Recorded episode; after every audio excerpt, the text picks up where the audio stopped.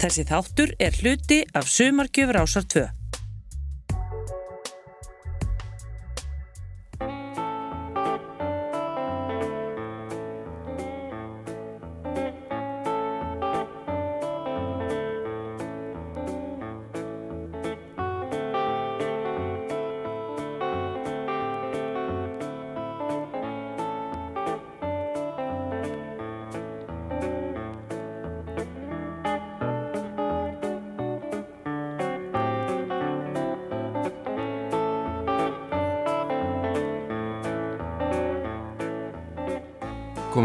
og velkomin í þennan sjötta og næst síðasta hluta af hljóritunum bílana fyrir breska útvarpið.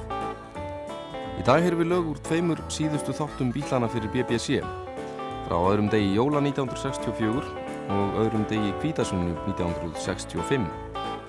Að auki heyrum við ímis skemmtileg viðtöl sem tekin voru við bílana á þessu tímavili og í lokin nokkrar upptökur sjálfgjafar af hljómleikum sem ekki eru til á almennu markaði. Uh, just a minute. A long nose has just come between me and the microphone. Who are you? Me? Yeah. I'm Ringo, the one who never speaks. The one what who never speaks? The one of them. One of which? Those people. Go on. Haven't they got a name? You know me. I don't. You know where I'm from. Wandering in here, telling me what I should be doing. No, folks, it's your friends, the Beatles. Hmm, hmm. The only way I can get out of that.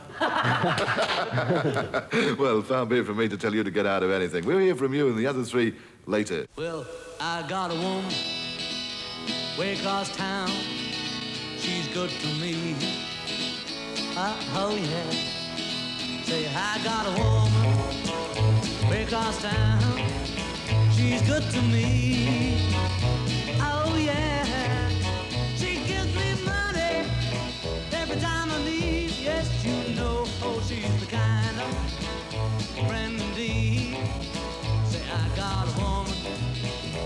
Across town. She's good to me. Oh, yeah. She says she loves me early in the morning just for me. Oh, yeah. She says she loves me early in the morning just for me.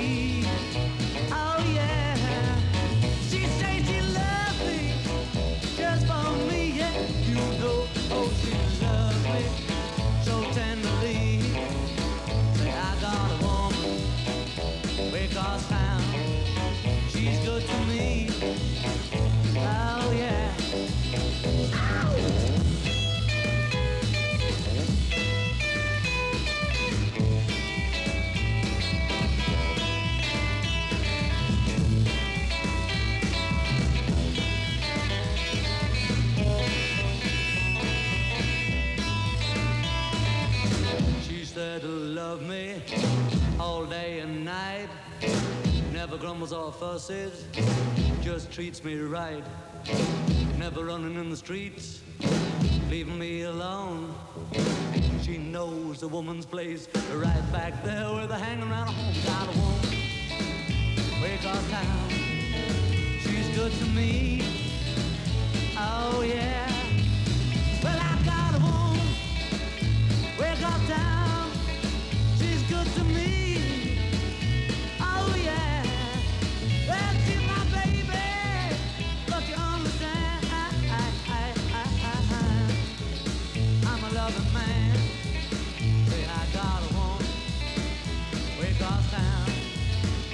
Good to me. Uh, oh yeah. Well, much is alright. Well, much is alright. I, I got a woman way across town. She's good to me. Oh, oh, yeah. I Got a Woman, önnur útgafa af lægi sem við heyrðum reyndar í síðasta þætti, þetta er lag eftir Ray Charles. Eftirlegu kynnt til upprifinnar úr þættinum Pop Go The Beatles frá 1963. Á þeim tíma er bítlatin voru daglegir gestir í þáttum breska útvarsins og þóttið að upphefð. Í áslokk 1964 áttu bítlatin hins vegar orðið erfitt með að koma heimsóknum í breska útvarpið fyrir í sinni viðamiklu dagskrá en heldur þó áfram að veita breska útvarpinu viðtöl allt til loka sveitarinnar. Útvarpmaðurinn Brian Matthew stjórnaði sérstökum þætti þar sem einn tiltekinn poppari var í brennidepli og býtlarnir fjórir voru allir gestir þessara þátta á árunum 1965 og 66. John Lennon var í sviðsljósinu í áslokk 65, svaraði þá gaggrinni um meint skeitingaleysi sitt og pólitískar skoðanir hans bar einnig á góma. Now, John, you have from time to time been criticised, attacked is probably a better word, on the basis that you just don't care about anything or anybody. I'm sure this isn't true, but would you tell us what uh, what is the thing that you care most about? Well, I mean, the thing, obviously, the first thing you think about is yourself and your family. That's, so I care about them. So whoever said I didn't care about anybody's wrong for that. There's plenty of things I care about, but there's it's you. All the things I've known for not caring about are things that a lot of people don't care about, and it's usually, you know, a certain type of person that cares about them. And I'm one of the, you know, just things in general that aren't important to me, Yeah. that seem important to other people. Yeah. You know, and it's not a sin or a crime. No, not suggesting. Yeah, I know, but the people think it is, you know. Only I can't think of them because they're so general. Yeah. It's just that when I come across them, I realise that I don't care about them because I've never thought of them before, you know. Okay. Do you have any kind of political leanings at all? I, I've, yeah, I have, you know, but I can never place what they are. You know what I mean? I can go you don't on fit about into it. any party line. They're not, not any party line I've heard of yet. I don't object to people inheriting money or having a big, a big lot of money. I never did. But I do object to people being stony broke and starving, you know. Mér þykir vænt um mig og fjölskyldu mína staði Lennon en bætti því við að hún væri skýtsama um ímis hverstagsleg fyrirbæri að skipta aðra miklu máli. Pólitískar skoðanir hans fylgja ekki flokkslínum en hann snýst öndverður gegn því þjóðfélagi sem skipar þegnum sínum á vonar völ. Þegar viðtalið var tekið var svonu Lennons Julian á þriðja ári og John segist hvetja hann til tónlistariðkunar þó sjálfur hafi hann ekki fengið slíka örfun sem barn. I'm trying not to do all the things I disliked, hmm. but not all of them because some of the things I disliked did happen. They were right at the time, even though it was I was so annoyed. Can But you there's think of an example? It's a joke in the family now, but I still, do, you know, don't, you know, the guitar's all right for a hobby. That's the big thing. It's quite, but it won't earn you any money. Now, I know that I always keep thinking that I should have, you know, I was obviously musical from very early, and I just wonder why nobody ever did anything about it. Because maybe because they couldn't afford it. John Lennon fekk áhuga á tónlist barnað aldrei en viðkvæði hjá aðstandendum hans var gítarspil er allt í lagi en það gefið þér ekki salt í gröðin svona sæl. Með það vega næsti fór John Lennon út í heim og var þeir vinsalasti tónlistamæðu sögunar.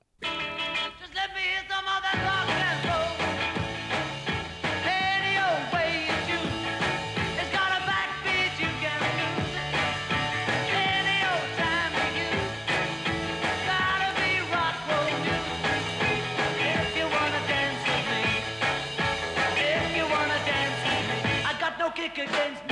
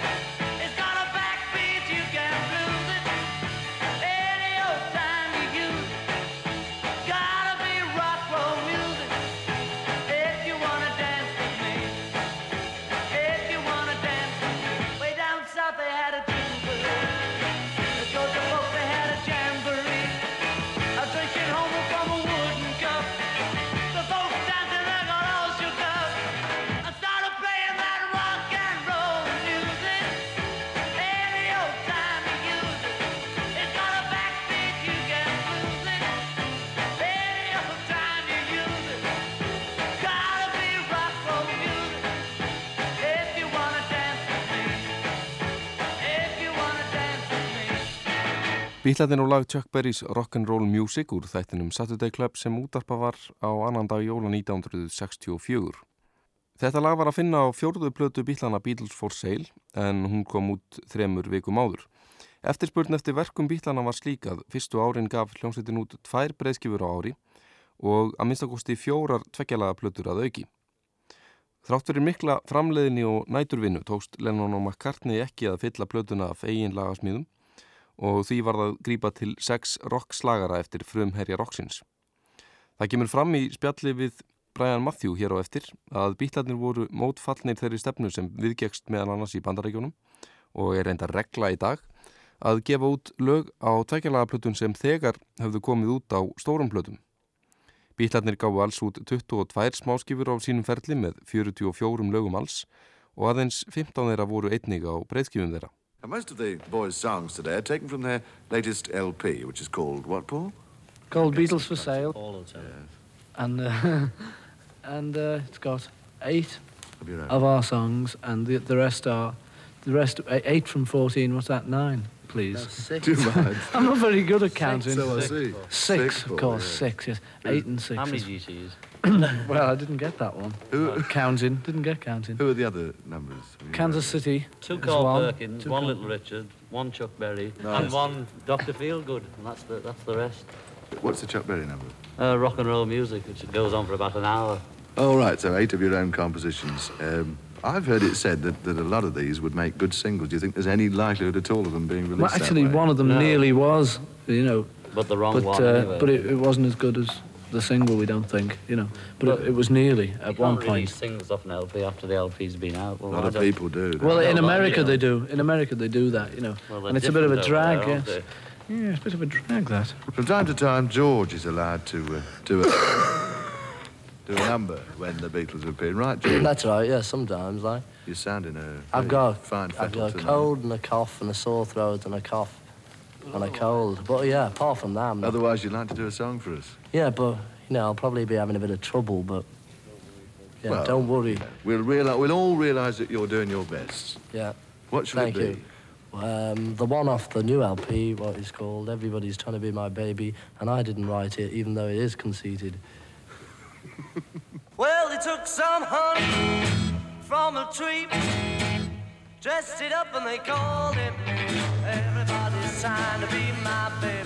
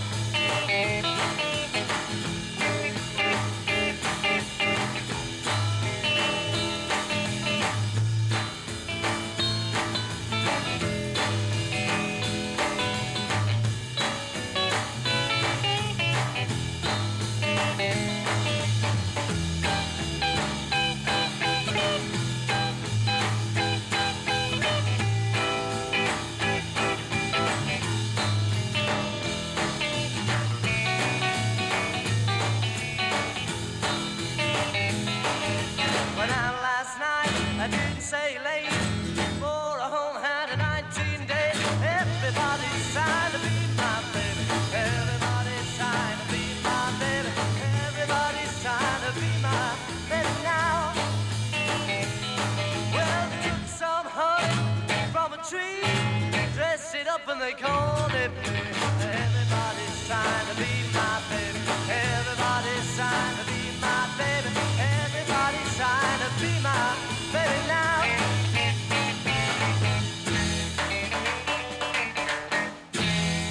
Bílarnir og Everybody's Trying to Be My Baby söngur Mont Prigsins úr smiðju Carl Perkins.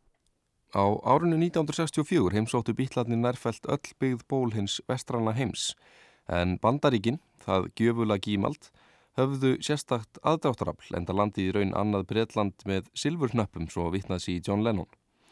Heyrum spjall úr þættinum Top of the Pops voru 1965, nokkru eftir að Ringo Starr gekk í napphelduna. Here, you four, come over here a minute. I should think that last year you visited more countries than ever, isn't that right? yes, correct, yes. Oh, yes, Ooh, been many. away. Which has been your, your favourite one that you visited? America, I think. Yes, I'll agree with that. Ringo agrees with that.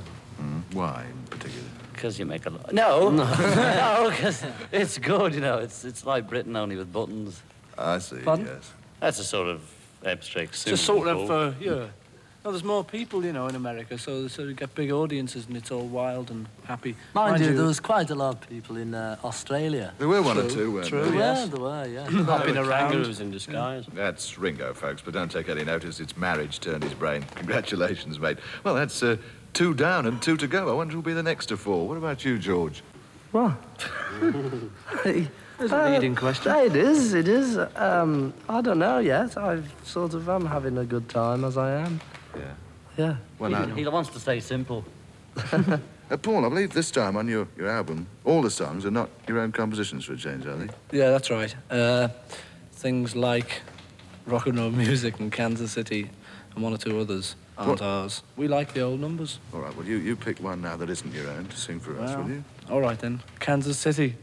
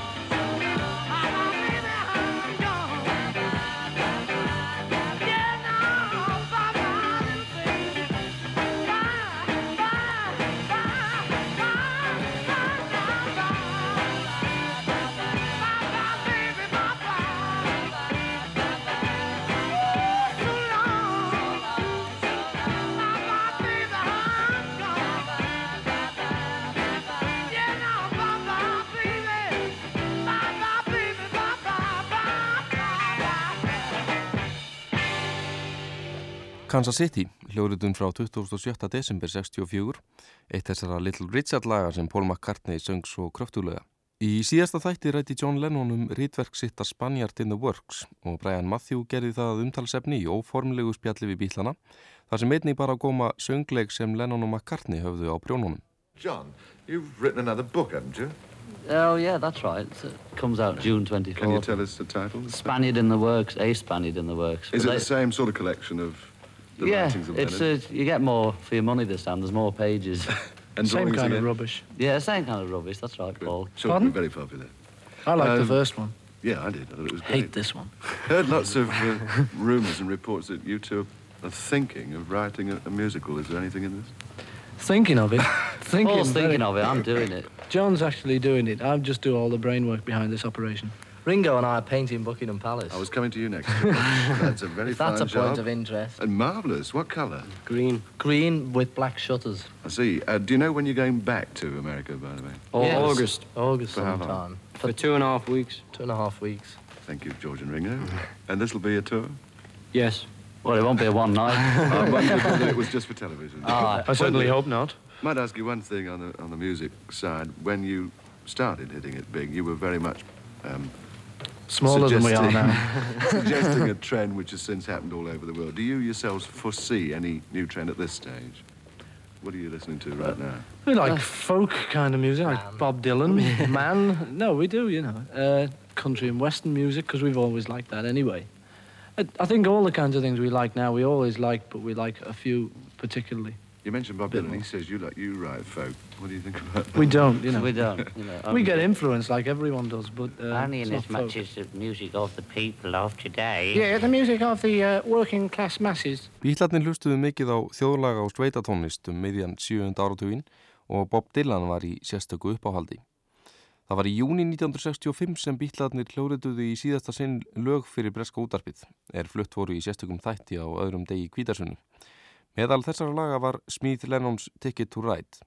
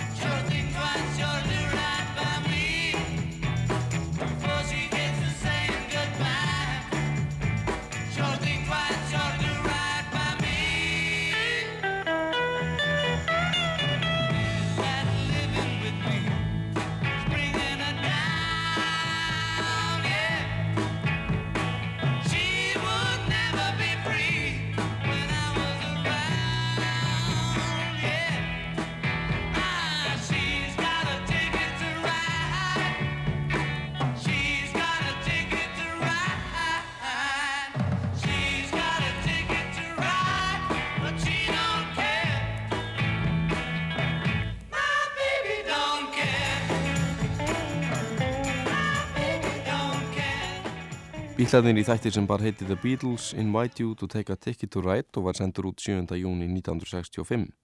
Fimm dögum síðar var tilkynnt að bílarnir fjórir yrðu sæmdir orðu breska heimsveldisins. MBE orðunni svonendu sem er lagsta stigi rittarareglu bresku krúnunar en sannarlega mikil upphefð fyrir skemmtekrafta á þessum tíma. en bítlarnir letu ekki slá sig út af læginu. Well, I find myself in distinguished company, and may I, without more ado, introduce George Hello. Harrison, Hello. MBE. How ah, did, oh, thank you.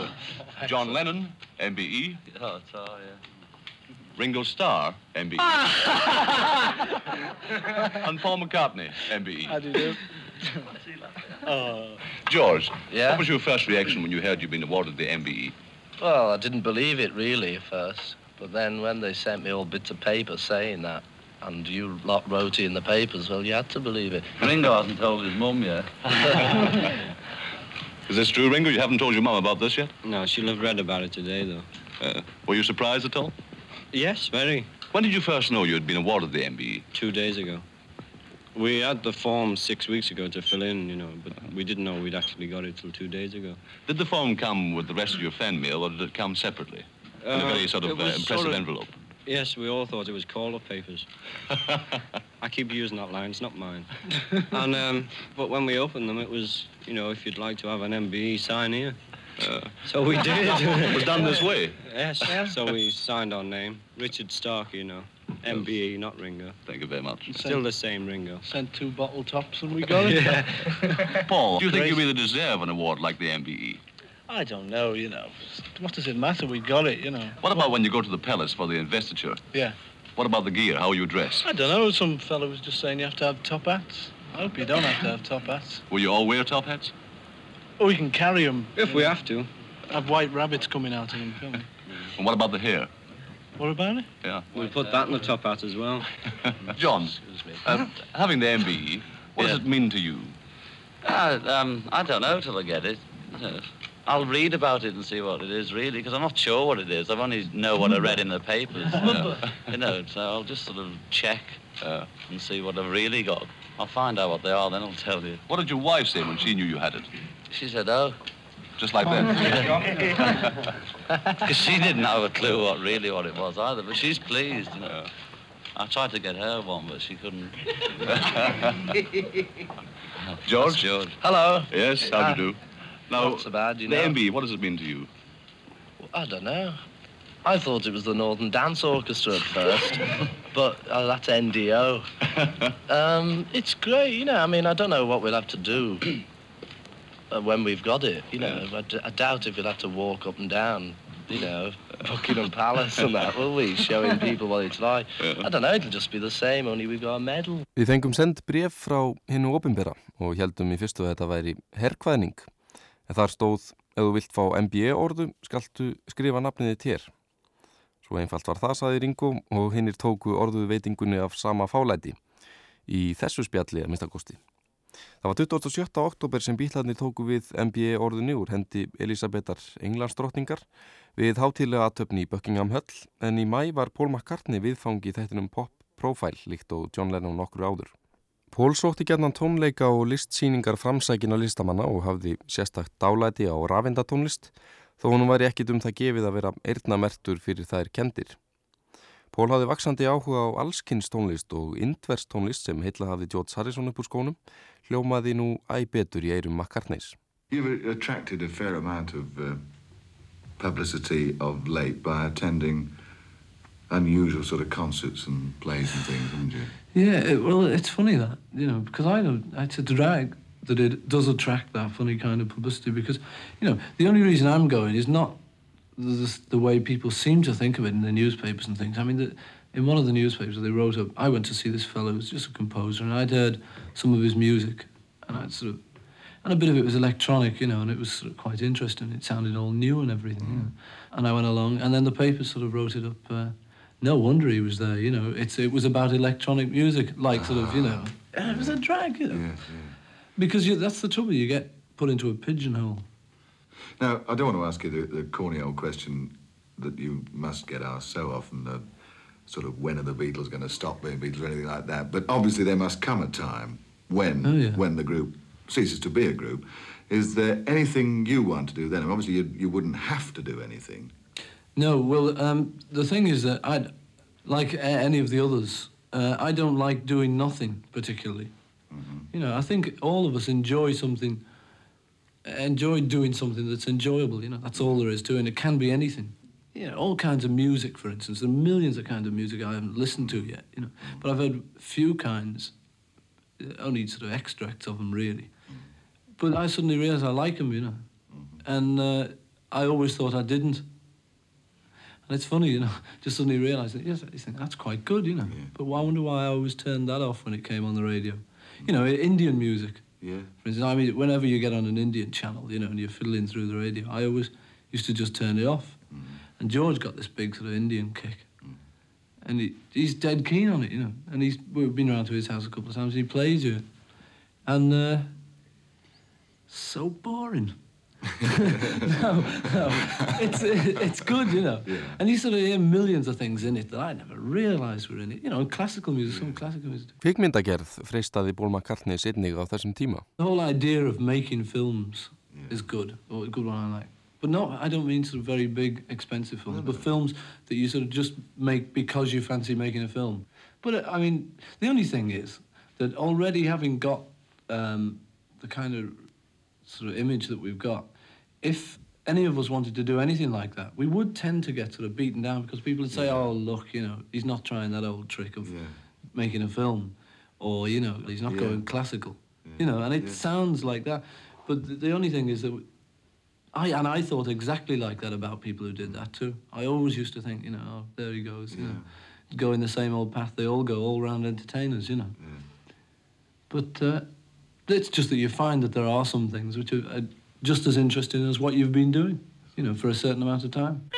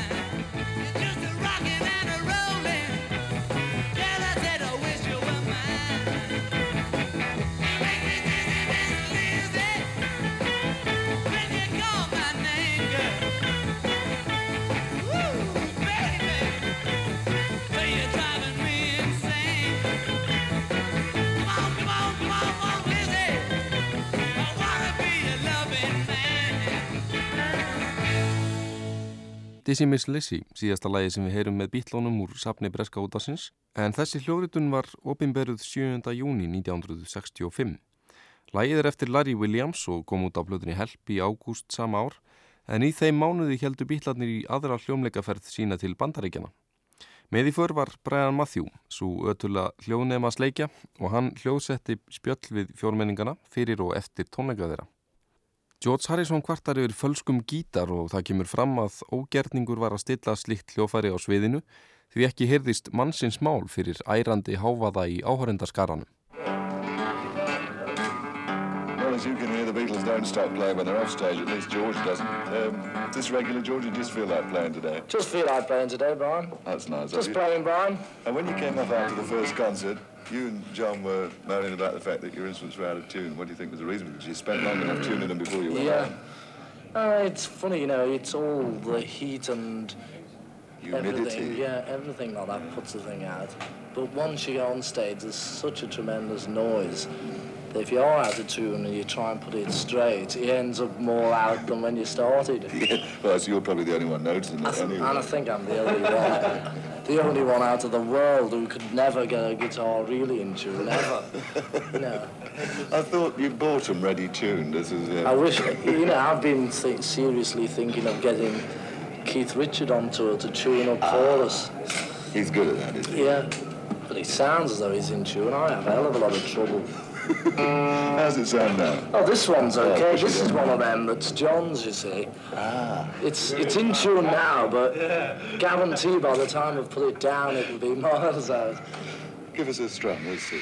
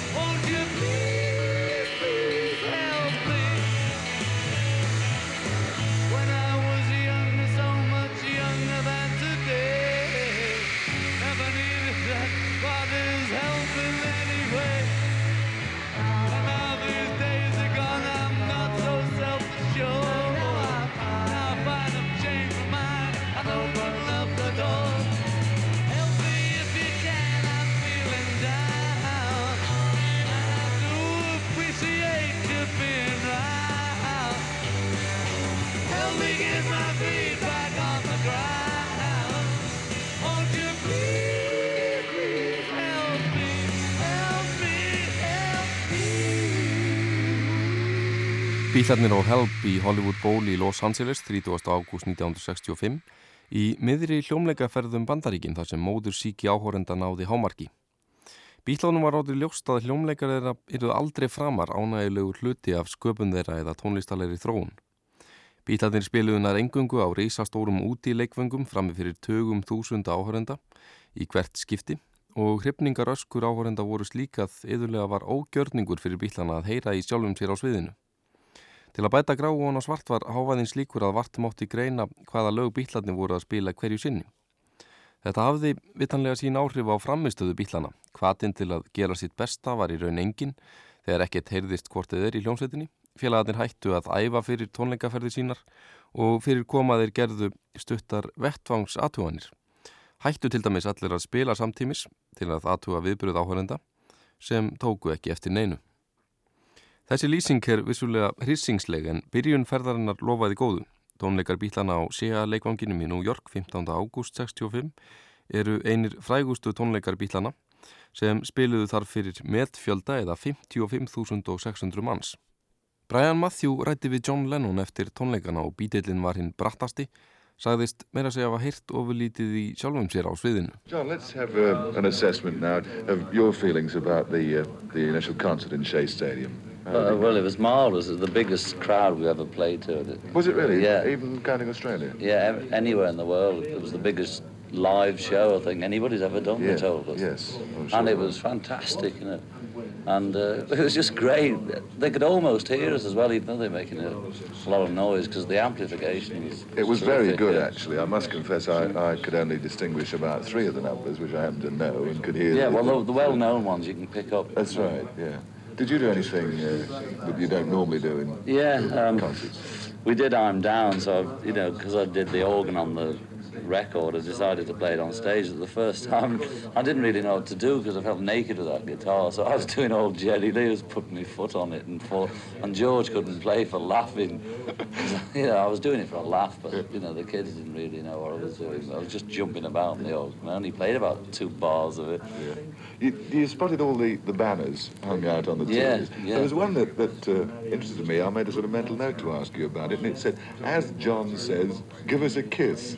Now, this isn't something you've used back home, is it? Is it a No. phrase you've used here? It, it, uh, it's from the Hard Day's Night film. Uh-huh. Some fella's on the train and he's shouting out his night, asking for a kiss. Yeah. Somebody mentioned it yesterday. I couldn't remember. I just remember then. It must have been that. It's strange. Yeah, yeah.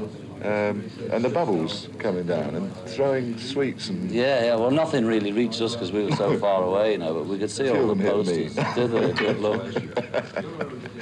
but then but by and large you thought it was an exciting Yeah, it was marvellous. You know, it was the most exciting we've done. A lot of people have been asking me to ask you this. Do you still get a, a sort of big kick out of a performance even now? Yeah, done the lot? it's still it's just the same. You know, you forget who you are. You s once you start once you plug in and the noise starts, you're just a group playing anywhere again. You forget that you know your Beatles or what your records are. You're just singing. And one final thing, do you find you can hear yourself when you're playing in all that noise?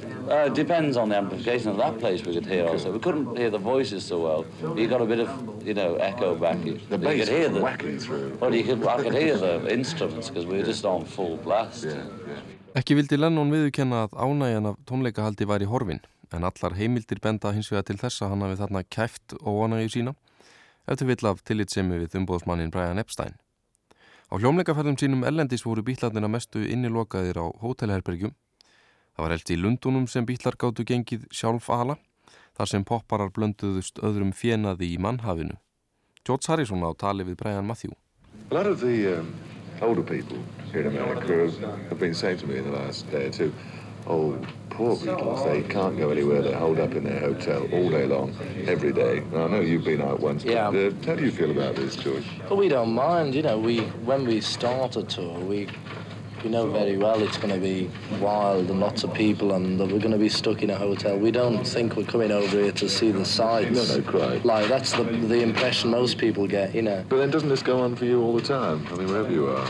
Yeah, but just depends. You know, the thing is, we go out at home, and the thing is, you know, when you get into your head, you're going for two weeks touring, then you, you know, you just You know forget about seeing anyway. the sights. Yeah. and we, you know, always. In fact, for over the last few years we've been in hotel rooms, we find a way of keeping ourselves amused. Yeah, sure. Uh, you say you go out back home. I mean, I can't say Yeah, I've seen I- you walking down the street, but what do you do? We go out all over the place.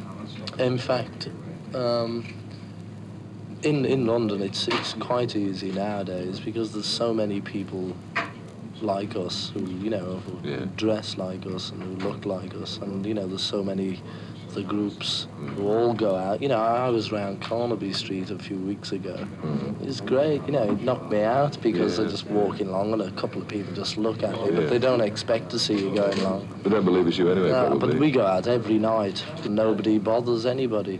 Mm. It's good. That's a lot better, isn't it? Yeah. Good. Well, I think that's answered that question. Thanks, George. Á fyrstu árum rocksins og jafnvel nokkrum árum lengur var einn grundvallarregla poppara í framanleitað viðkomandi væri ólofaður eða minnstakosti ekki opinberlega frátekin. Til að fæla ekki frá aðdáendur af gagstæðu kyni, fólk með fjörugt ímyndunarafl og próf í loftkastala Árið 1965 voru tveir bítlar giftir, John og Ringo, og Ringo var spurður hvort hann hrættist ekki afleiðingar þessa fyrir vinsaldir bítlana. Would you think that it's made any difference at all? Doesn't seem to have done to me. To the Beatles as a group, that the two of you are now married. Um, no, No, I don't think so. Once upon a time, it did make a difference to pop I think about 1957, 58, it was a big thing that pop stars were married and everyone Why do you think kept this it has changed? Um, well, I think that, you know, all the fans not realise that, you know, we're just human beings and we drink, smoke and get married like anybody else. I mean, when I first thought to get married, I was worried, you know, we talked and everything, and then decided to get married. And it was great because about 95%, um, no, 99% of the mail we got was all, you know, congratulations and we're Good, that's happy nice. for you. So, you know, that made me, you know, I was very happy and pleased. Aðdáðundur bítlana eru skynnsemis verur sem gera sig grein fyrir því að við drekkum, reykjum og giftum okkur eins og annað fólk. Svar mitt eftir Ringo Starr við spurningu um afleðingar hjónabands fyrir vinsaldir bítlana.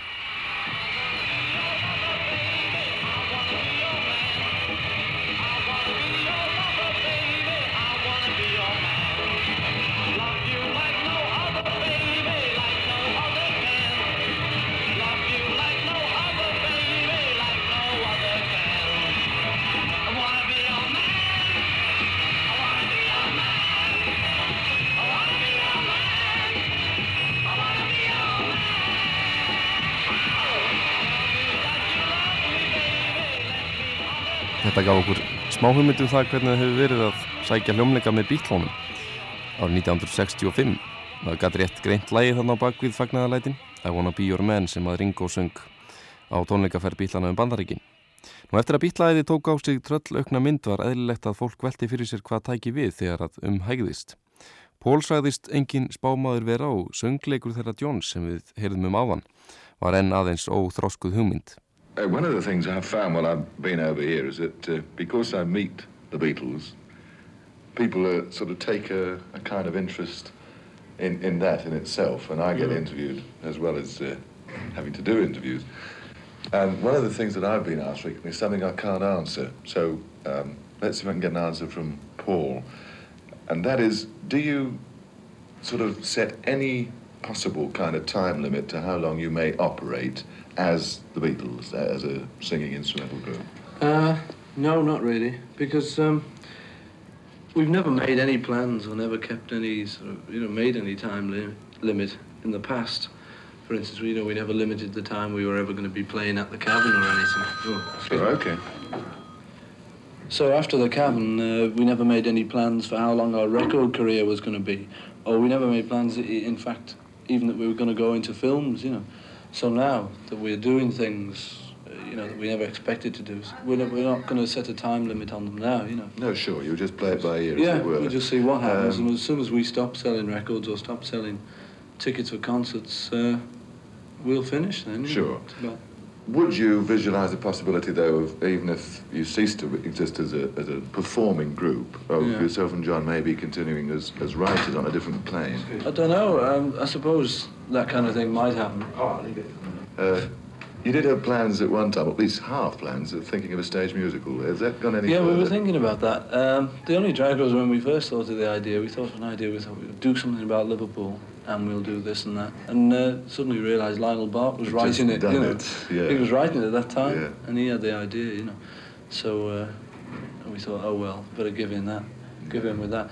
So. Uh, we, we keep trying to think of ideas for them because I think we'd like to do one. We like to do Well, one you and make it very modern. Yes, You know, exactly. dead modern with Yeah.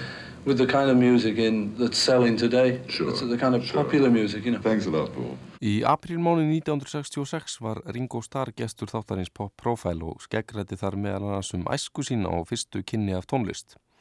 Hann var spurður um uppáhalds tónlistamenn en sagðist hins vegar fljótt fá leið á þeim plötum sem hann gifti sér. Eginleiki sem kuða fyllt Ringo frá því æsku er hann gerði sér það að leikað plata rándýr leikföng út úr foreldrum sínum og láta þau svo í hendur félagana í skiptum fyrir heima gert drastl. I, I play anything, you know, just anything. Uh, Are there any artists or musicians that you'd go out of your way to listen to? uh, not right out of me, but, Well, you no, know, if they were as far the as the record. as long as they're on the way into town, it'll be all right. Um, record? No, I, I sort of get mad things, you know. I, I sort of go potty on like, people just after hearing one record, and I buy a couple of LPs, and that's it. You know, I may play one of the LPs, and then I never bother again. I, I'm like that with most things, you know. I sort of want things, and then I get them, and then I get tired. Like what other, what other things? Can you think of anything that you felt that way about? Well, more when I was a kid, you know. I sort of want, want a bike. Give me a bike, you know. Spoiled brat. and, uh, and I'd get a bike, and then I'd, you know, I'd swap it for a steering cart or something. And then my mother would say, "But I paid a lot of money for that bike," and you know, and some kid made the steering cart in his backyard. and I'd swap that for the Tom Tom and things like that. I just kept wanting things till I got them, you know. So even when you were a kid, I mean, obviously your sights were lower than they Mm. are now. You were still able to get most of the things you wanted. Well, I mean, I didn't want much, did I? You know, an eight quid bike and things like that. I, I didn't never wanted anything big, so you know, just soft little things. And I just wanted them, and I tried to get them, and got most of them, and then just got rid of them. So would you say, on the whole, that you've had a fairly easy life? Yeah, I've had an easy life. Yeah, hmm. I've never been hungry, never been cold. You know, I've I've had a good life. I w- wouldn't change any of it. You know, even hmm. the bit before.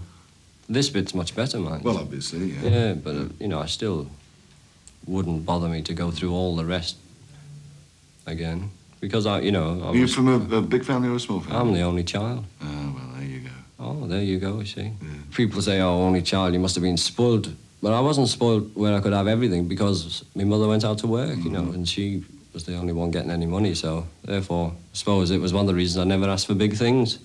I just asked for little things, which may have seemed big, but they weren't really. Uh, when did you first get interested in music? when I was about 14 in hospital, they used to have a, to keep us happy, you know, all the kids, because I was 14, um, they had a sort of ward band and the little sort of teacher came along and she mm. sort of put a big board up with all yellow dots and red dots and when she pointed to red or yellow or green, the triangles or the drums or, you know, silly little band. It was great fun. And I would, I would never play unless she gave me a drum, you see. Mm-hmm. So I was used to fight for the drums then. And I think that's when I first became interested. And then I used to sort of bang on the desk, on the locker next to the bed and things. And then I came home and I put little bits of wire on top of um, biscuit tins and used to bash them with pieces of firewood, you know. And then I got a 30 bob bass drum, which used to drive them all mad. I was about 15 and a half, I think, 16. And I got this bass drum, you know, just a one sided bass drum, and I used to bang it, sort of bashing it to the BBC and things like that. Did you ever have any kind of tuition at all, or was the whole thing? I had about three lessons. I sort of, once I got interested and sort of said, right, I'll go and read music and learn how to play, you know. Mhm. And um, only, I went to this little man in, you know, it was just in a house sort of thing, and he played drums and he sort of said, get a manuscript, and he, he wrote it all down. And uh, I never went back, you know. Was- After that, I couldn't be bothered, you know. It was too routine for you know all that paradiddles and that, and I couldn't stand it. I don't think I'd ever bother learning now, you know. Ringo Starr var 14 ára gamall í sjúkra rúmi þegar hann fekk áhuga á tónlist og það var ónafgreind hjúkurunakona sem átti sög á því. Hún skipulaði stopnun lítillar hljómsveitar sjúklinga og Ringo heimtaði trómukjöðana. Síðar lamdi hann borðplötur heima hjá sér, skáphurðir og kökuboks, þar til móður hans gaf honum einfalda bassatrómmu. Þá var það ekki aftur snúið og Ringo lærði síðar af reynslunni ef undan eru skildir þrýr tímar hjá kennara. Við heyrum svipað spjall við George Harrison í þættunum eftir viku og þá heyrum við einnig álit þeirra Lennonum McCartney á nokkrum sérstæðum tólkunum annara listamanna á lögum tvímenningana. Að auki ætla ég að draga fram í dagsljósið ímsar sjaldgefar hljóritanir með bílunum. En við endum þáttinn í dag á hljóritun frá hljómleikum bílana í Vancouver í Kanada árið 1964 þar sem vel kemur fram að bílarnir gáttu leift sér allskins uppákomur á sviði því tónlist þeirra druknaði jafnan í hrifningar öskrum áhórenda. Bílarnir kynna lagið sjálfur. Thank you, folks. Before we do the next song, we've got to hang on a minute while George changes the guitar. He changes it.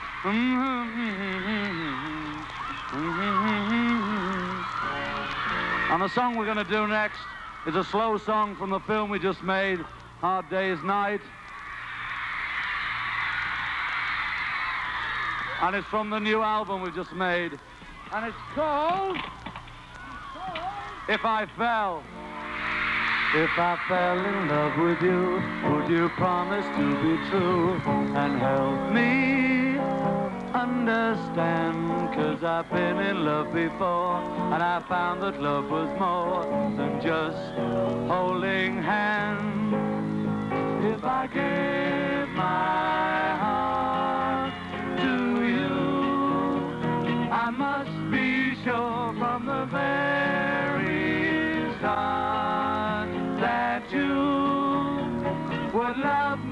more than her. If I try.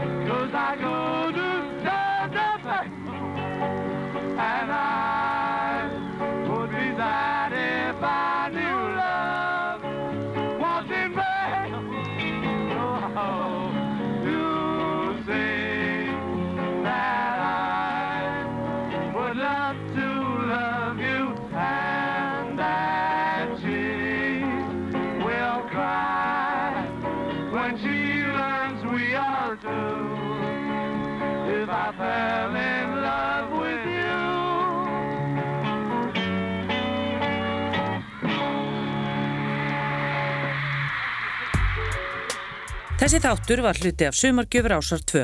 Þú getur nálgast fleiri þætti úr safnir ásar 2 í spilaranum á rúf.is, í rúf appinu fyrir snjaltæki og öllum helstu hlaðvarp sveitum.